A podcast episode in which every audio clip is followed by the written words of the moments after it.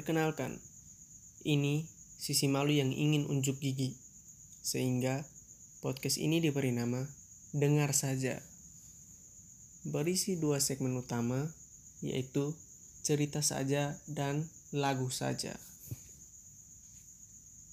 Cerita saja berbicara tentang cerita sehari-hari, keseharian, cerita-cerita pendek, dan puisi. Sedangkan segmen lagu saja berisi rekomendasi-rekomendasi lagu lintas genre. Mungkin itu cukup untuk perkenalan. Salam kenal, semoga istimewa di telinga.